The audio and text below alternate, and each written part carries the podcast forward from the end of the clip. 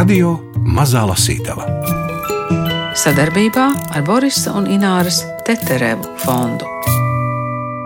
Īstenībā jau tev attiecības ar šo grāmatu ir eh, senāks nekā man.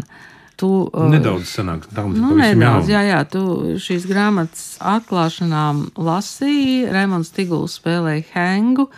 Tā sajūta tev bija kāda? Meditatīva. Lasīt šo tekstu, kad Raimons Tiguls improvizē uz tā Henga, tas iegūst tādu, tādu meditatīvu plūdumu. Tas faktiski ir tāds divu instrumentu, valsts, un teksta un balss, un mūziķa tāds duets saspēle. Ļoti interesanti. Es tā nebiju. Es pat nezinu, kā tas būs man tagad lasīt bez tā hanga. Gundaram Aboliņam šī saspēle ar Raimondu Tigulu un Noras Ikstenes romāna Jona tekstu jau notikusi grāmatas atvēršanā, bet radio mazajā lasītavā studijā viņš lasa viens. Šī ir Noras Ikstenes klusēšanas pārtraukšana. Romāns, kurā biblisks sižets saspēlējas ar mūsdienu pasaules sērgām un sajūtām, un klusumam te ir ļoti liela nozīme. Stāsta Nora Ikstena. Bet, protams, ka pamatā ir Bībeles stāsts Jonas grāmata par Jonu, kurš nokļūst liela jūras dzīvnieka vēderā, ir daudz versijas, ka tas ir tieši valis, kur vēdā viņš nokļūst, dodoties uz Nīnīvi, un kā tur viss mainās, un kā Jonā saprot savu uzdevumu. Bet eh, šis vārds Jona, viņš nāca tā kā pats par sevi. Un es domāju, ka tā ir tā sajūta, kas jau sākot no pandēmijas laika mūs visus pa laikam pārņem ka kaut kas īsti ar šo pasauli nav kārtībā, kā ir uh, pandēmija, kā arī joprojām kāri, kāri, kāri. Un mēs it kā visu laiku atskatāmies uz to, ka dzīve, lai arī varbūt nebija tik vienkārša, bet tā dzīves sajūta bija citādāka. Un ļoti daudzas lietas, kas mums šķita, ka tās ir absolūti nereālas, tās nevar notikt realitātē, viņas diemžēl notiek realitātē. Un tā jonas sajūta ir, tur ir divējādi vai nu tā jona ir, ar ko mēs nevaram sadzīvot, un tas beidzas diezgan traģiski, ne jau jonai, bet mums, kas nevaram ar to sadzīvot, vai nu mēs iemācāmies šajā jonas pasaulē dzīvot. Un man likās šī vārdu spēle, ka galvenais varonis ir kurjeris Jona, vienkārši kurjeris, kurš izvadā ēdienu, un Jona, un pēc tam tikai vēlāk man atnāca tā apskaidrība, ka mēs taču sakam dzīvot ar joni, Tad mūsu valodā kaut kas no šī vārda ir, ka mēs īstenībā gribam dzīvot ar joni, plaši, skaisti, labi, baudīt dzīvi, piesāksim dzīves svinēšanu un tam līdzīgi. Bet tas jonis ir kā pārvērties par to jonu. Un kā nu mēs tagad kuļamies tajā jonas pasaulē. Bet man negribējās arī, lai šī grāmata rādītu tādu traģisku ceļu, Tāpēc arī Jona un Vāļa attiecības ir tādas, nu, viņi tā kā, nu, ne jau iesmēja, bet viņi tā kā saprot, kur viņi ir iekūlušies, un viņi cenšas no tā izkūties laukā. Pat ja tur ir runa par ļoti tādām būtiskām lietām, patreiz kā karš, kā naids, kā ļaunums, kā nelīdzcietība, tad viņi atspērušies cenšas tomēr visu to vērst par labu un teikt, ka vienīgais ceļš ārā no tā ir tikai mīlestība, līdzcietība, palīdzēšana viens otram, ko mēs viscaur arī esam redzējuši. Varbūt mēs esam paguruši no tā, bet tas ir vienīgais ceļš un ticība, kas man liekas, vispār ir kaut kas tik dabisks, ka par to pat nebūtu jālauž šķēpi un jādiskutē. Bet uh, katrs cilvēks pie tā var nonākt tikai individuāli. Un neko no tā nevar ne uzspiest, ne ieliet mutē, ne pamācīt, ne parādīt. Var tikai rādīt ar saviem darbiem, ka tā varbūt ir labāk. Uzticēties darbiem, nevis vārdiem.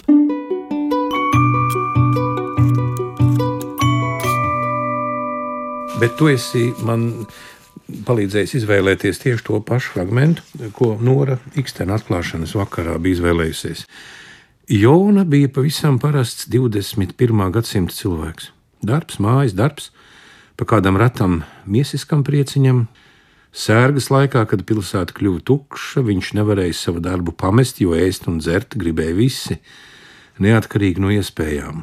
Viņa paša istabiņa drīzāk atgādināja pieaugtu un ne īpaši tīru medpunktu, kur mētājās simtiem masku, marlas gabali, visgrādīgākais šņabis dezinfekcijas nolūkiem.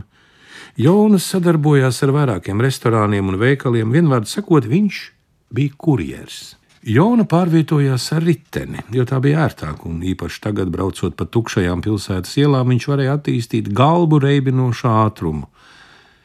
Kad tuvumā neredzēja policijas mašīnas, viņš atlaida stūri un rokas augstu pacēlis plivināja gaisā vienreiz lietojamās maskas, kas bija viņa lielākais tēriņš. Citreiz viņš izgāja tukšā okeāna piekrastē, tajā pašā, kur drošā attālumā miegā atpūtās zilais valis un iesējis auklās laida maskas gaisā kā pūķus. Tas bija tāds kā meditācijas mirklis viņa vienmuļajā dzīvē. Atgulties smiltīs un raudzīties, kā maskas šūpojas siltā okeāna brīzītē, kā mazītiņa šūpuļkrēsli. Viņš zināja, ka neiedaras smalkā stila pasaulē, bet te viņam neviens nevarēja liekt iztēloties, kā maskas vējā kļūst aizvien lielākas un tajās viegli šūpojoties, draudzīgā vienotībā atpūšas cilvēki un zvēri. Un katram rokā ir viņa piegādāts gardumiņš, glāzes pirdzinoša dzēriena, koka vai zāles lapa, pusēsts mango vai pusgrausts burkāns, pasapņot, nevienam nebija liekts. Pēc īsas atpūtas pauzes Jona pārskatīja savu sarakstu, sakārtoja apģērbu un lielo mugursomu un uzsāka savu dienas un brīžiem arī nakts nebeidzamo braucienu. Cepta ola, grauzniņš un silta kafija no psalmu restorāna tepat uz stūra Mateja kungam.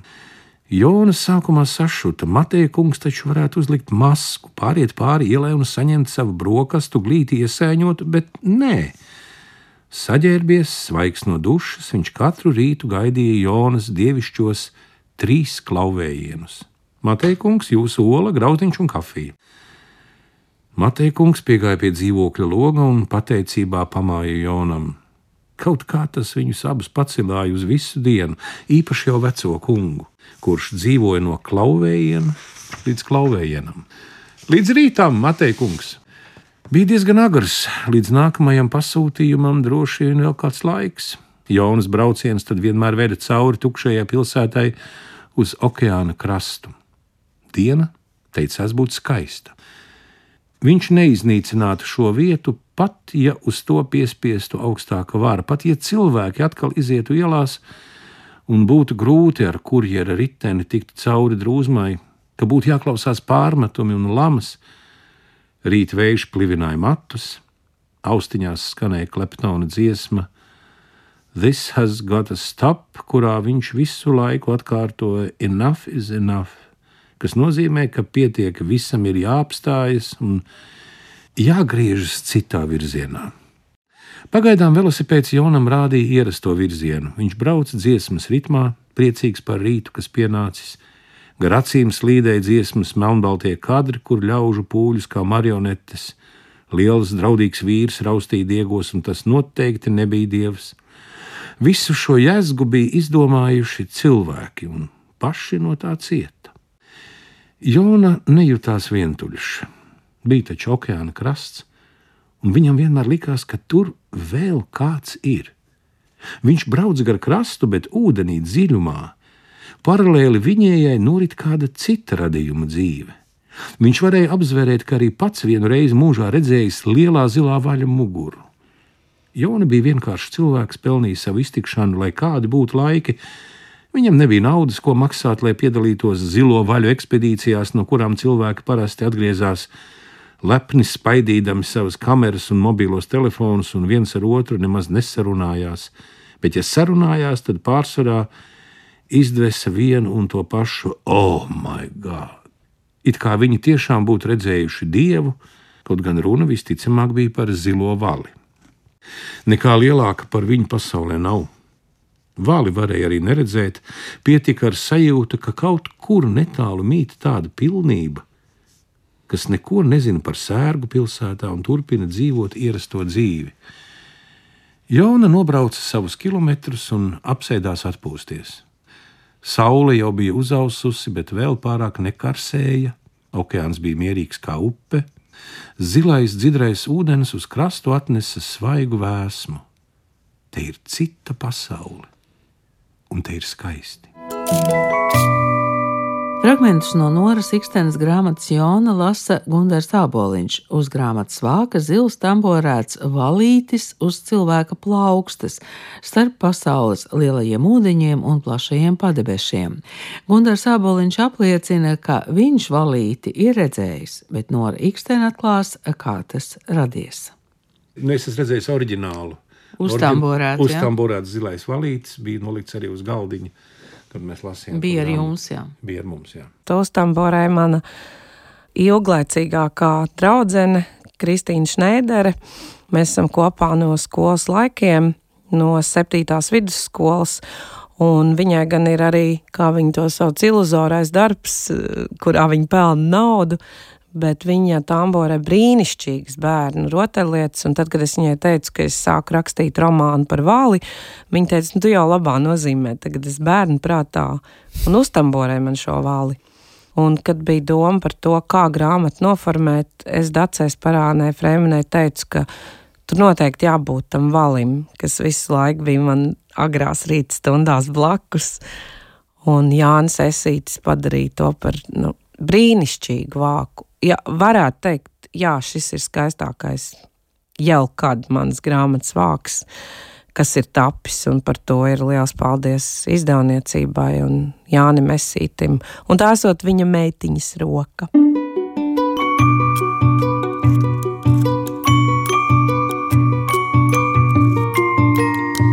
Radio Mazā Lasītava.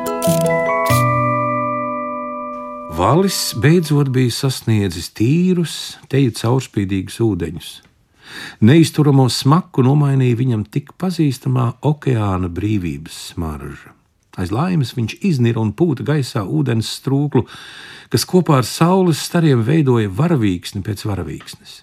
Tās atspīdēja pat ūdenī viņam visapkārt. Šausmu pasauli, kurā valim bija nācies iekļūt, nomainījis septiņkrāsu miers. Viņam bija izdevies pabeigt, nevis iestikt kā sen atpakaļ tīklos, kas bija dziļi iegriezušies viņa gludajā, sudraba pelēkajā, mirdzošajā miesā un atstājuši dažu labu rētu. Bet tas bija nieks, sāļais ūdens sāpes remdēja, un tās aizgāja, kur nākušas. Te tīrajos plašumos viņa milzu stāvs jutās spēcīgs, drošs, dzīves dvašas pilns. Kā okeānā reiz palaists miera un labsirdības kalns, viņš slīdēja tuvu ūdens virsmai, brīžiem iznīra, lai parādītu saulē savu milzīgo muguru, lai sveicinātu debesu spīdekli ar savu milzīgo asti. Vaļa mute visu laiku it kā mazliet smaidīja, un acis pat īsti neredzot ar vienu jūtu tuvojamies saskarsmes brīdi, kas viņa dzīvē nebūtu nenotika bieži. Viņš nebija no tiem, kas dzenājās līdz brāļu baram, lai mēģinātu apaugļot te vienu, te otru valeni. Viņš ticēja mīlestībai no pirmās spuras pieskāriena un uz mūžu. Pat ja tas būtu noticis tikai to vienu vienīgo reizi, un visticamāk viņš pat neuzzinās, ka kaut kur okeānā mīt viņa dēls vai meita, miesa no viņa miesas nezinās, bet jutīs šo ne ar ko nesalīdzināmo beznosacījumu mīlestību, ko viņš atstājis aiz sevis, pieglaužoties valenei. Tai vienīgajai visos šais nebeidzamajos plašumos, kur viņiem satikties vēlreiz, vai nu būs vai nebūs lemts. Tomēr valis bija drošs, ka nekas nav šķērslis, lai viņi viens otru atrastu. Jo tieši tā visam jānotiek šajā mūžības okeānā, mūžīgā mīlestības okeānā, kur viņi viens otru bija gaidījuši, lai tikai uz mirkli saskartos un izplūstu dzīvības sēkla. Varbūt Valēna jau bija iznēsājusi vaļu bērnu, kas sekos viņai tik ilgi, cik ilgi viņam būs vajadzīgs spēcinošs piens, no padusēja ieslēpta krūts gala, kuru viņš atradīs ar kādu nezināmu maņu, lai dzīvotu un pieaugtu un dotos pats savā ceļojumā. Viņā būs iepūsta dzīvības dvaša, Vālis jūta Valenes tuvumu.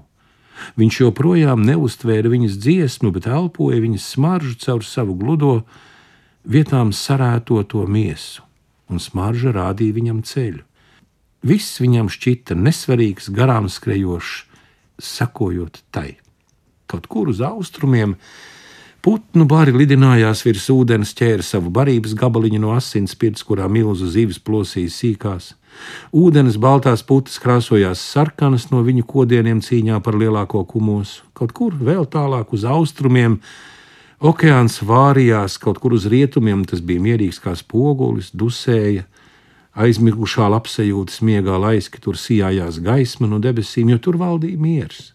Un tam bija gluži vienalga par asins spirti, ja vien tā nepietuvojās bīstami tuvu, kamēr kaut kur uz ziemeļiem tālos ledājos viss sasala, tad brīžam draudēja atkust un izplūst sauszemē, apklājot visu, kas reiz bijis dzīves un varans, un itin kā stingri zemē iemiets kaut kur uz dienvidiem okeāns zaudēja spāru, saule karsēja neizturami, trūka ūdens, izžuva lauki, ūdeni dalīja kā dievmaizīti, bet Vālis nenovirzījās no sava taisnā ūdens ceļa.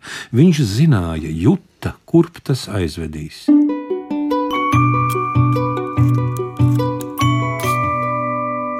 Traucoties ar riteni pa ierasto maršrutu, Jona fiziski jutās mundrs, jo bija taču nosnaudies, taču sapnis viņam neizgāja no prāta. Jau pavisam drīz viņš būs pilsētā, kur pamazām atdzīvojās, Dzīve atgriezās ierastajās sliedēs, bet Jona jūta, ka cilvēki ir mainījušies. Sērga, kas bija mocījusi viņus gandrīz divus gadus, bija atstājusi zilumus viņu dvēselēs, kur iespējams ar laiku uzsūksies, bet varbūt tur paliks uz visu atlikušo mūžu. Nemaz nerunājot par tiem daudzajiem, kuru te vairs nebija. Viņi bija aizmiguši kādai citai modināšanai, par kuru vairumam palikušo nebija nekādas nojausmas. Jonam iešāvās prātā, ka tas laiks bija kā paiet no dzīves malā. It kā tā turpinātos kaut kur bez viņa, kaut gan vienīgais veids, kā tai turpināties, bija viņā pašā.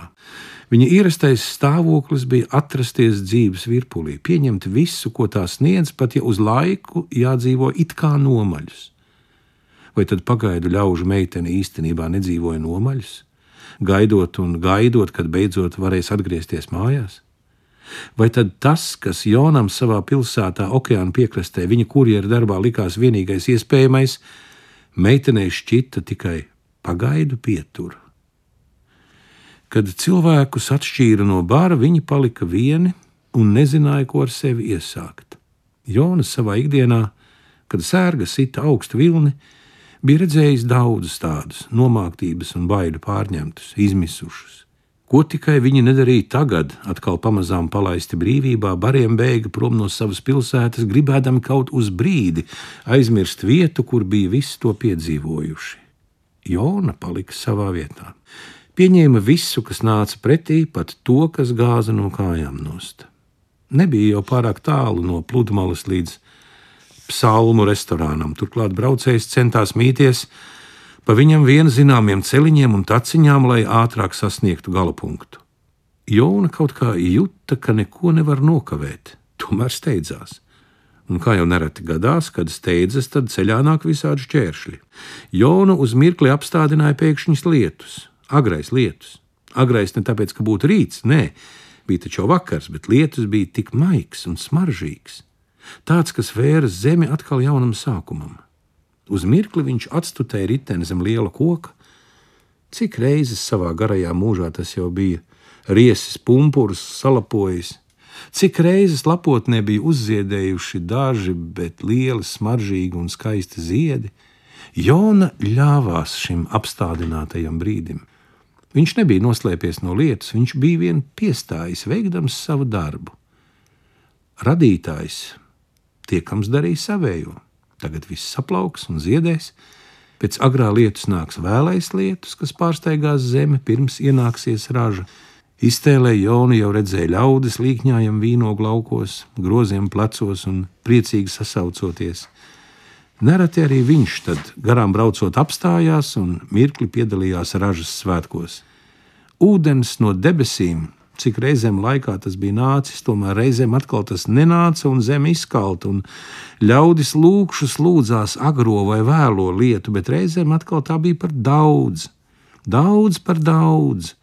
Upes izgāja no krastiem, pārrāva dambjus, ūdens ieplūda pagalmos un mājās, nelūgts, neaicināts. No radītāja kļuva par iznīcinātāju. Pat okeāns varēja iziet no krastiem ar prātam neaptveramu milzu vilni. Ļaudis tam visam tikai dzīvoja cauri, lāgiem trāpīdami laikā, lāgiem nelaikā. Reizēm viņiem izdevās būt tādiem kā koki, kas stādīti pie ūdens upēm, kas savus augļus nes patiesības virzienā, un kam lapas nesavīst, viss, ko viņi darīja, tiem labi padevās. Bet pat šeit, šajā idilliskajā, teju bezrūpīgajā vietā, kurā bija ietrāpījies Jona, brīžiem šķita, ka nelaiks ir tuvu.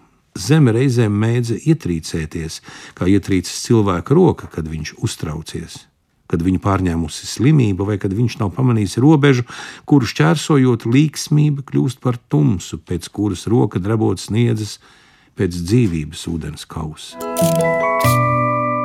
Bez kurjera Jonas un Vaļa grāmatā ir arī pagaidu ļaužu meitene. Tik skaistu un reizē ietilpīgu vārdu bēgļiem es lasīju pirmo reizi, un droši vien tas arī ir pirmo reizi pagaidu ļaužu meitene. Es nezinu, kā es nonācu pie šī vārda salikuma, bet man tas likās kaut kā tik skaisti, ka latviešu valodā tā var pateikt. Un šie pagaidu ļaudis, es domāju, tā vairāk ir viņu sajūta. Tāpat kā citas valsts, mēs jau tik daudz ukrāņu bēgļu esam uzņēmuši, un mēs darām, ko varam, bet es domāju, ka cilvēkā pašā šī sajūta, ka tu esi pagaidu ļaužs šajā vietā, un vai tu iedzīvosies, vai tu neiedzīvosies, vai tu tiksi atpakaļ uz savu dzimteni. Jo arī tagad, atgriežoties no Meksikas, es domāju, kāda tā ir laime, ka man ir kur atgriezties. Un kā neraugoties uz to, ka tik daudz latvieši, kā saka, paceļ ķepas un brauc prom no šejienes, es negribu nekur braukt prom no šejienes. Tāpēc, kad es, es nu, nekur, nekur, nekur citur. Nu, es nejutīšos tā, kā es jūtos šeit. Šajā grāmatā ir mazliet arī par klusēšanu. Šī grāmata bija tāds klusēšanas pārtraukšanas veids arī tev. Jā, un es varu teikt, ka tas klusēšanas laiks man bija ļoti noderīgs. Jo nu, tajā brīdī, kad tu saproti, ka tu esi uzrakstījis 35 grāmatas, varbūt tu vairāk nerakstīsi. Nu, es neteikšu, ka tas ir no tiem priecīgākajiem brīžiem. Pat tad, ja tu vari darīt jebkuru citu darbu, jo tas ir kaut kas, ka, kam tu esi bijis uzticīgs visu savu mūžu. Un jebkura uzticības laušana ir sāpīga. Vai mīlestībā, vai valodā. Bet tad, pēc šī klusēšanas gada, es sapratu, ka tas vienkārši tā šāvās uz ārā. Tas sākās ar esēju grāmatā Rakstniecības laboratorija. Kas iznāca dienas grāmatā, kas, manuprāt, ir brīnišķīga grāmata, kur latviešu rakstnieki apraksta to rakstīšanas virtuvi. Un tad parādījās Vālis un Jona. Un es, es tikai pierakstīju un rakstīju uz priekšu, un tad man lietuvieši uzaicinājās Česlāvu Milošu lasījumiem Lietuvā, Kaunijā. Es uzrakstīju esēju prieka vēsts, ko es arī ielikusi kā pēcvārdu šajā grāmatā. Un tad es man varbūt ir grūti aprakstīt cilvēkiem, kas nezina rakstniecības virtuvi, bet tā sajūta, ka to atkal var rakstīt, ir brīnišķīga. Brīnišķīgo sajūtu atkal rakstīt Nora Ikstena atklājusi grāmatā Jona, izdevusi dienas grāmata.